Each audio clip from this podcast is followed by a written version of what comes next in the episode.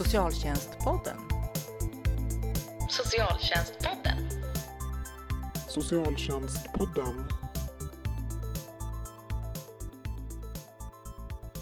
Hej och välkomna till podden för dig som är intresserad av socialt arbete och socialpolitik. Den här gången får ni lyssna till mig, Camilla Sköld och Josefin Johansson Eh, och vi ska prata om politikerinflytande i individärenden. Eh, och vi ställer oss frågan politik eller profession? Vem är bäst på att avgöra barns behov och om ett barn ska placeras? Det här är en fråga som Akademikerförbundet SSR har drivit i många år. Varför lyfta det här temat just nu, Josefin? Regeringen har ju sedan mer än två år tillbaka aviserat att eh, man vill se över socialtjänstlagen och det har vi ju pratat om tidigare här i podden. Ehm, och i kontakter med regeringen så har ju vi lyft att politikerinflytandet är någonting som vi tycker man ska förändra. Ehm, och vi tycker inte att det är rimligt att folkvalda kan överpröva professionens bedömningar på det vis som man gör i Sverige idag. Mm. man kan säga att det är ett tillfälle liksom att faktiskt avgöra frågan kanske, om utredningen? Absolut. Mm. Och sen att vi lyfter det lite extra just nu har ju att göra med att Akademikerförbundet SSR är ordförande för Nordens socionomförbunds samarbetskommitté. Så då tänkte vi att eftersom våra nordiska grannar har, eh, som kommer från samma tradition som vi, har utvecklat sig vidare mot mindre politikerinflytande, att vi skulle inspireras av dem. Vi ska återkomma till de nordiska länderna, men jag tänkte vi kan väl ändå börja liksom hemma hos oss, för det är ju ganska tydligt när man läser socialtjänstlagen att man, man pratar ju om socialnämnden och man anger vissa beslut som inte går att delegera och så. Det är ju rätt tydligt att det är polit, väldigt starkt politikerinflytande. Ja, alla, allt ansvar och alla beslut i socialtjänstlagen står det ju socialnämnden. Eh, alltså det är ju hänvisningar till socialnämnden. Men sen delegerar ju socialnämnden eh, oftast alla beslut som de kan till tjänstemän. Eh, och även till eh, en utskott då, så att inte det är hela nämnden som fattar beslut i individärenden. Ehm, men det finns ju många exempel på att delegation kan förändras, till exempel när ekonomin går dåligt. Mm. Så det hänger ju också ihop, tänker jag, med vilken tillit som finns mellan politiken och tjänstemännen i en kommun. Ehm, för det, delegationsordningen kan ju nämnden besluta om egentligen precis, när de vill. Dra, precis, dra in delegationen egentligen mm. när som helst. Mm. Men sen finns det ju beslut, både i socialtjänstlagen och i tvångslagarna LVU och LVM, som inte kan delegeras till någon tjänsteman. Mm. Där det bara är politiker som kan fatta beslut eller som kan ansöka om att eh, någon ska vårdas mot sin vilja. Mm. Och det vi tänkte prata om är ju just de delar som handlar om, om, om, att placera barn och så. Då. Eh, du var ju inne på det, de här andra nordiska länderna. Hur, hur ser det ut där då i våra grannländer? Jag tänkte man kan ju börja i vad det är som förenar oss, vad det är mm. som är likt. Mm. Och det är ju att i alla länderna så är det ju en socialsekreterare som utreder och bereder ärendet för eh, den som ska fatta beslut. Mm. Eh, och, och, det är ju lika, även om det är olika ifall det är så att det finns några särskilda kompetenskrav eller inte. Som på Island och i Finland så har ju socialarbetarna en femårig utbildning och legitimation. Eh, Medan i Danmark och Norge så har man tre eller tre och ett halvt års utbildning och inga behörighetskrav. Men oftast så är det socialarbetare. Eh, men det land som har minst politikerinflytande är Finland.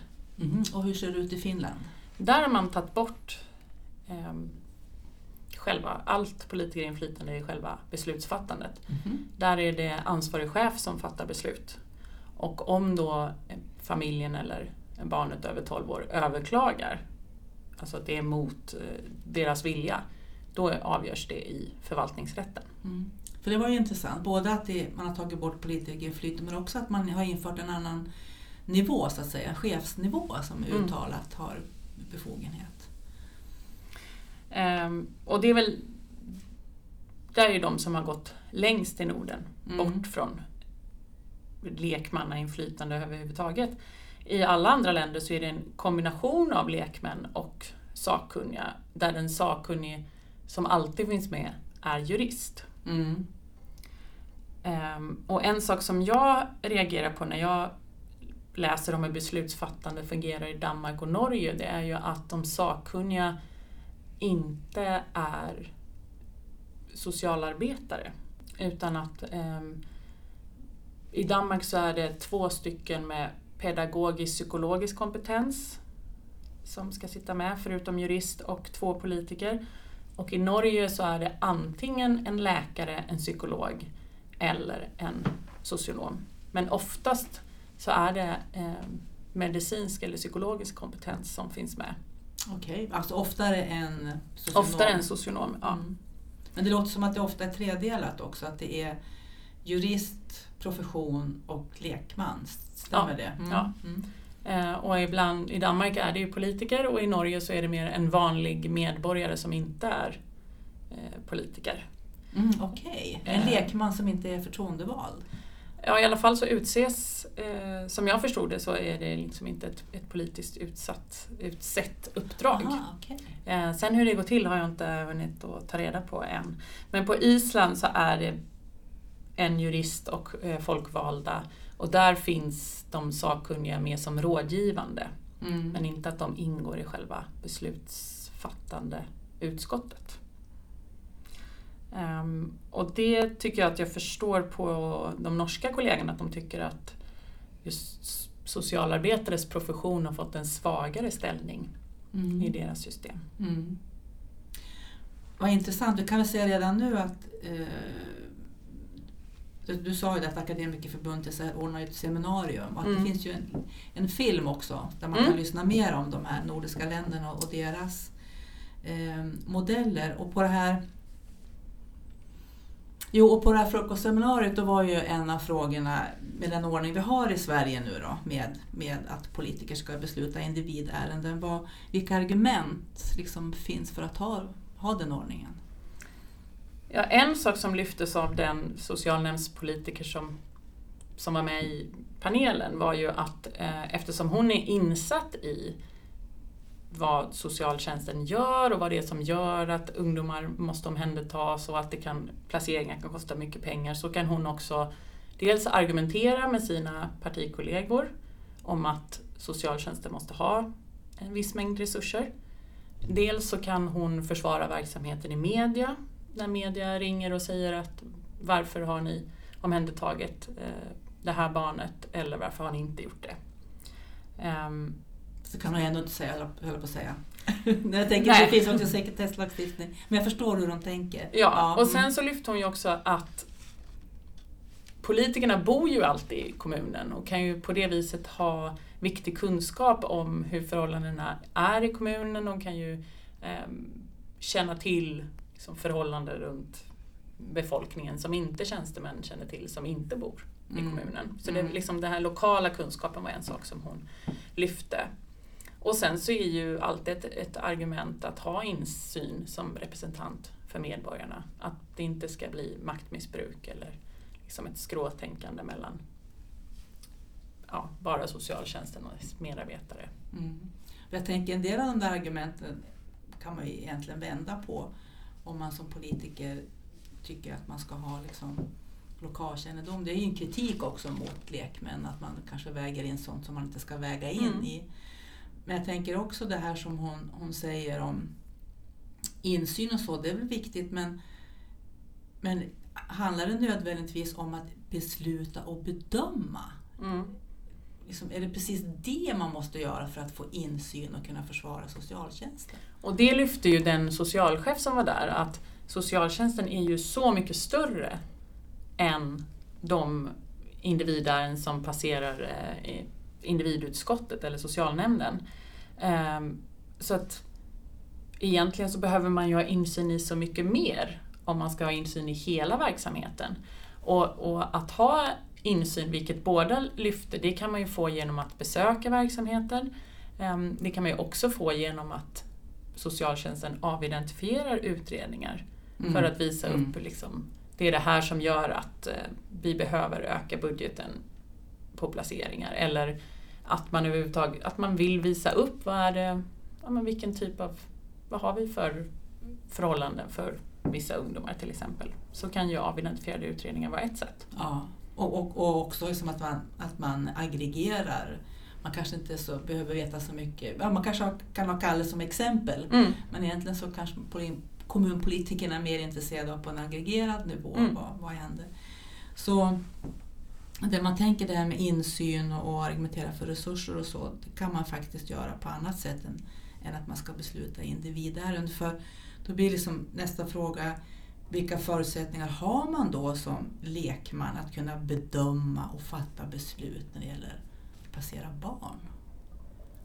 Um, här finns det ju säkert forskning som jag inte har satt mig in i just, uh, just nu. Men min bild är ju att det ser väldigt olika ut. Dels kan det ju bero på ifall man kommer in i, i början av en mandatperiod och det ofta finns mycket utbildningar oavsett vilken nämnd man sitter i. Eller om man kommer in i, i ett utskott eller nämnd mitt i Mm. när alla andra liksom redan har utbildat sig. Ehm, och sen så beror det ju också på hur mycket tid man får att sätta sig in i ärendet. Eh, är det ett barn som man känner till eh, sedan länge som har fått olika insatser av socialtjänsten och sen kommer man fram till att nu måste vi eh, ansöka om ett omhändertagande eh, mot föräldrarnas vilja. Eller är det ett okänt barn som helt plötsligt, där varken kanske förvaltningen eller politikerna vet eh, så mycket. Så det är klart att det kan se väldigt olika ut.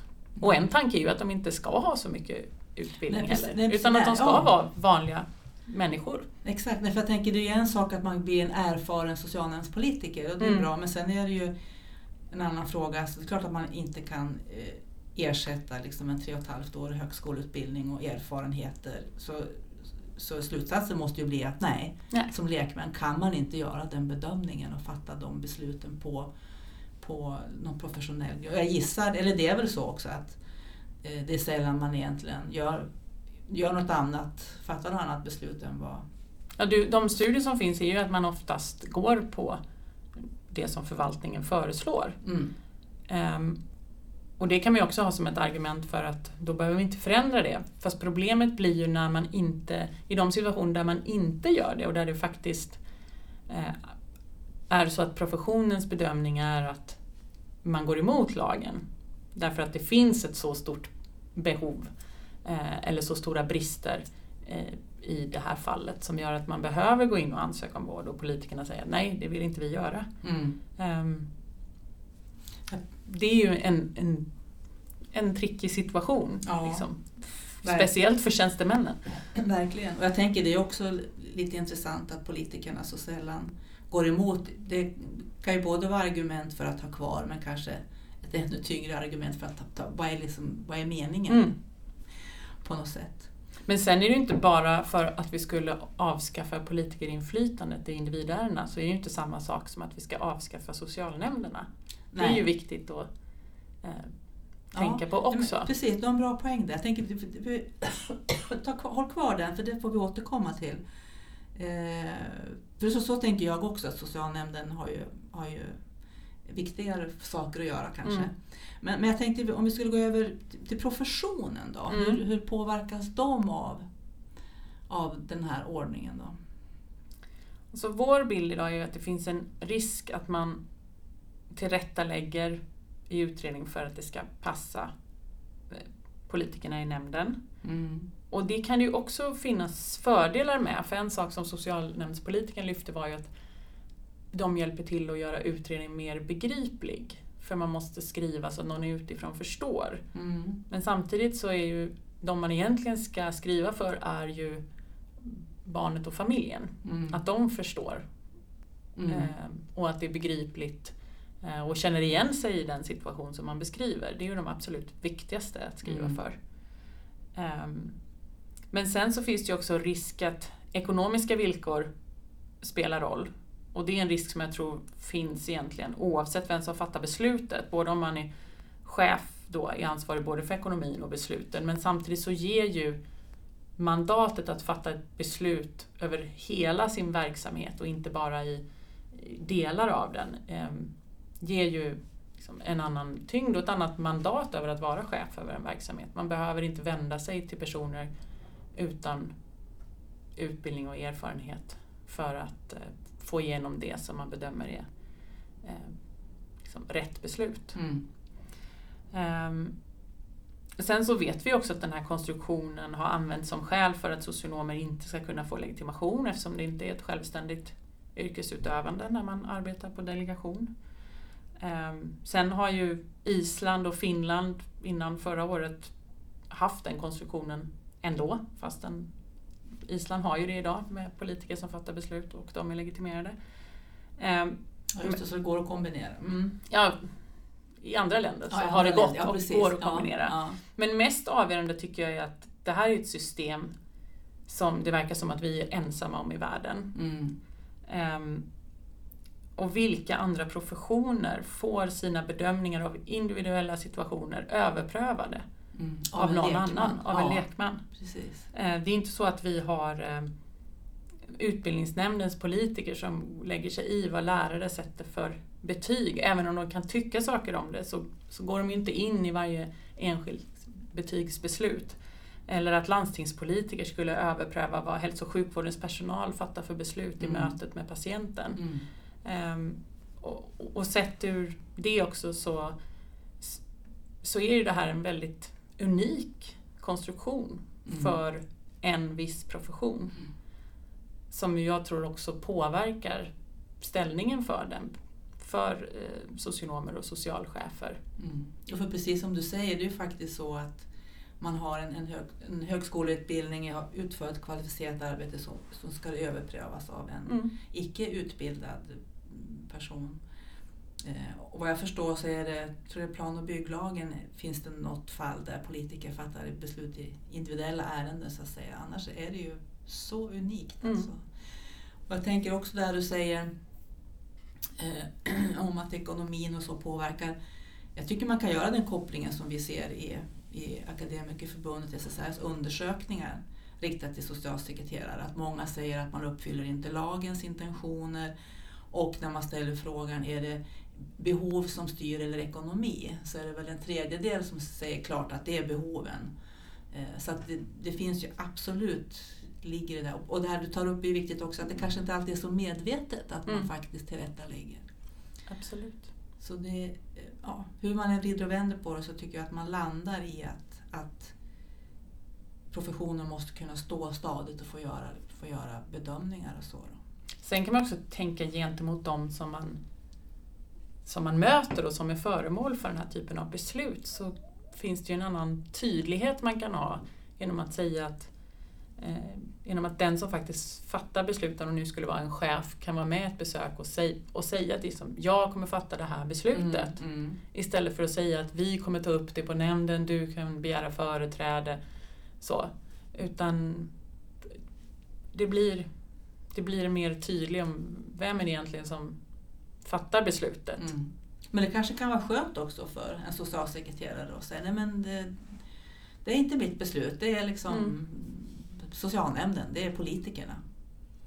Ja, men det tänker jag också hänger ihop med vilka förutsättningar man har för att göra sitt jobb. Om man tycker att man har förutsättningar för att kunna gå in med insatser i tid eller att föreslå eh, den behandling som man tycker är bäst. Eller om man och det kan, så kan det ju vara även, eh, jag menar, politiken kommer fortfarande sätta ramar även om vi skulle förändra det här till vad som, hur mycket ekonomi som finns i en kommun. Um, mm. ja, men jag tror att de andra professioner klarar att stå för sina beslut utan politisk inblandning så klarar socialsekreterare och socialchefer också det. Mm. Det tror jag också. Sen dessutom det tvångs, handlar om tvångslagstiftningen så är det förvaltningsdomstolarna som, Precis. som kliver in så att säga. Eh, vi var inne på det här med översyn av socialtjänstlagen då, då som äntligen har startat nu då. Mm, Direktiven har kommit i år. Och utredaren är utsedd. Eh, och eh, det finns ju inga direkta skrivningar där om att minska politikerinflytande men om man, om man kikar så ser man att det finns ju flera, flera punkter som faktiskt handlar om att stärka professionen. Att professionen behöver större handlingsutrymme och att man måste tydliggöra befogenheter, uppdrag och så. så jag tolkar nog direktiven som att det är den vägen man vill gå, att stärka professionen och stärka mandatet. Jag, tänker också att eh, utredaren ska ju se över socialtjänstlagens konstruktion. Mm. Att i, där i, det här är ju en del av konstruktionen. Mm.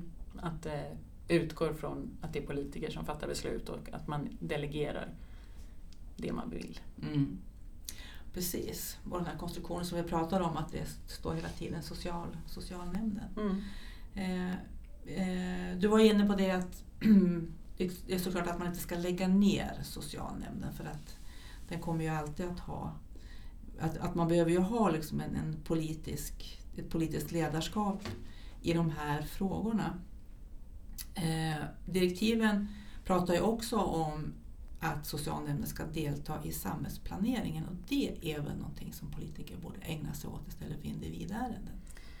Eller? Absolut. Ehm, det där var ju som en vision när vår nuvarande socialtjänstlag togs fram. Att socialtjänsten skulle delta i, i samhällsplaneringen som aldrig riktigt blev av. Mm. Um, så det tänker jag är väldigt hoppfullt att man inte bara lägger det åt sidan eftersom vi lyckades inte göra det under de här nästan 40 åren. Mm. Eh, utan vi ser om vi verkligen kan få det att fungera istället. Mm. Eh, och att utredaren får titta på det. Precis, och man tänker ju, jag har tänkt många gånger, så mycket kunskap som eh, socialsekreterare har om hur det fungerar i den här kommunen, vad det är som kanske gör att familjer och, och individer hamnar lite illa till. Och, och idag så är det ingen som tar hand om den kunskapen. Det vore väl bra socialnämndssammanträden att diskutera om, och också hur man då kan förebygga eh, sociala problem. Ja, där kan jag tänka mig att socialnämndspolitikerna behöver hitta sammanhang ihop med kultur och fritid och ja, utbildningsnämnden just eh, att det är ju faktiskt eh, ett gemensamt ansvar, att, om man nu tänker vad gäller barn och unga, men eh, det kan ju också gälla vuxna som har behov av mera utbildning eller mm. eh, vuxna behöver ju också en meningsfull fritid. Så, så, sociala problem överhuvudtaget. Precis. Eh, har vi glömt någonting Josefin eller känns det som vi har pratat om det mesta? Um, ja, men jag tror att vi har, har pratat om det mesta och eh, vill man veta mer om hur det ser ut i varje land så kan man ju som sagt gå in och se den här filmen. Mm. Om man går in på akademikerbloggen så finns det ju länkar där. Precis. Så kan man få höra kort om hur varje land har organiserat det. Och även synpunkter på, från både socialchef, socialnämndspolitiker och forskare. Mm. Det tycker jag att många ska göra. Och också gå in på, vi har ju en särskild webbsida inför översyn av socialtjänstlagen som heter Ny socialtjänstlag. Filmen ligger där också från det här frukostseminariet, men det finns ju också annat material. För mm. det här är ju översynen av socialtjänstlagen, där ska ju våra medlemmar vara med och påverka. Både chefer och socialsekreterare och biståndsanläggare och så. I, Absolut. Så det hoppas vi att, vi, vi hoppas vi att ni, ni gör. Eh, men då avslutar vi där. Tack Josefin för att du delar med dig med dina tankar runt politikerinflytande. Om två veckor så släpper vi ett nytt avsnitt av Socialtjänstpodden. Kommer du ihåg Josefin vad det ska handla om? Ja, jag tänker att det kommer handla om någonting som man också skulle kunna prata om när det gäller det här just brukare och deras inflytande och delaktighet i socialtjänsten. Just det, det kommer att handla om och då särskilt när det gäller missbruks och beroendevården. Eh, men till dess så får du gärna fortsätta att lyssna på våra andra poddar om du inte har gjort det. Och tipsa kollegor och andra om att lyssna på oss. Och hör jättegärna av dig på förslag på ämnen som vi kan ta upp i vår socialtjänstpodd. Tack för att du har lyssnat.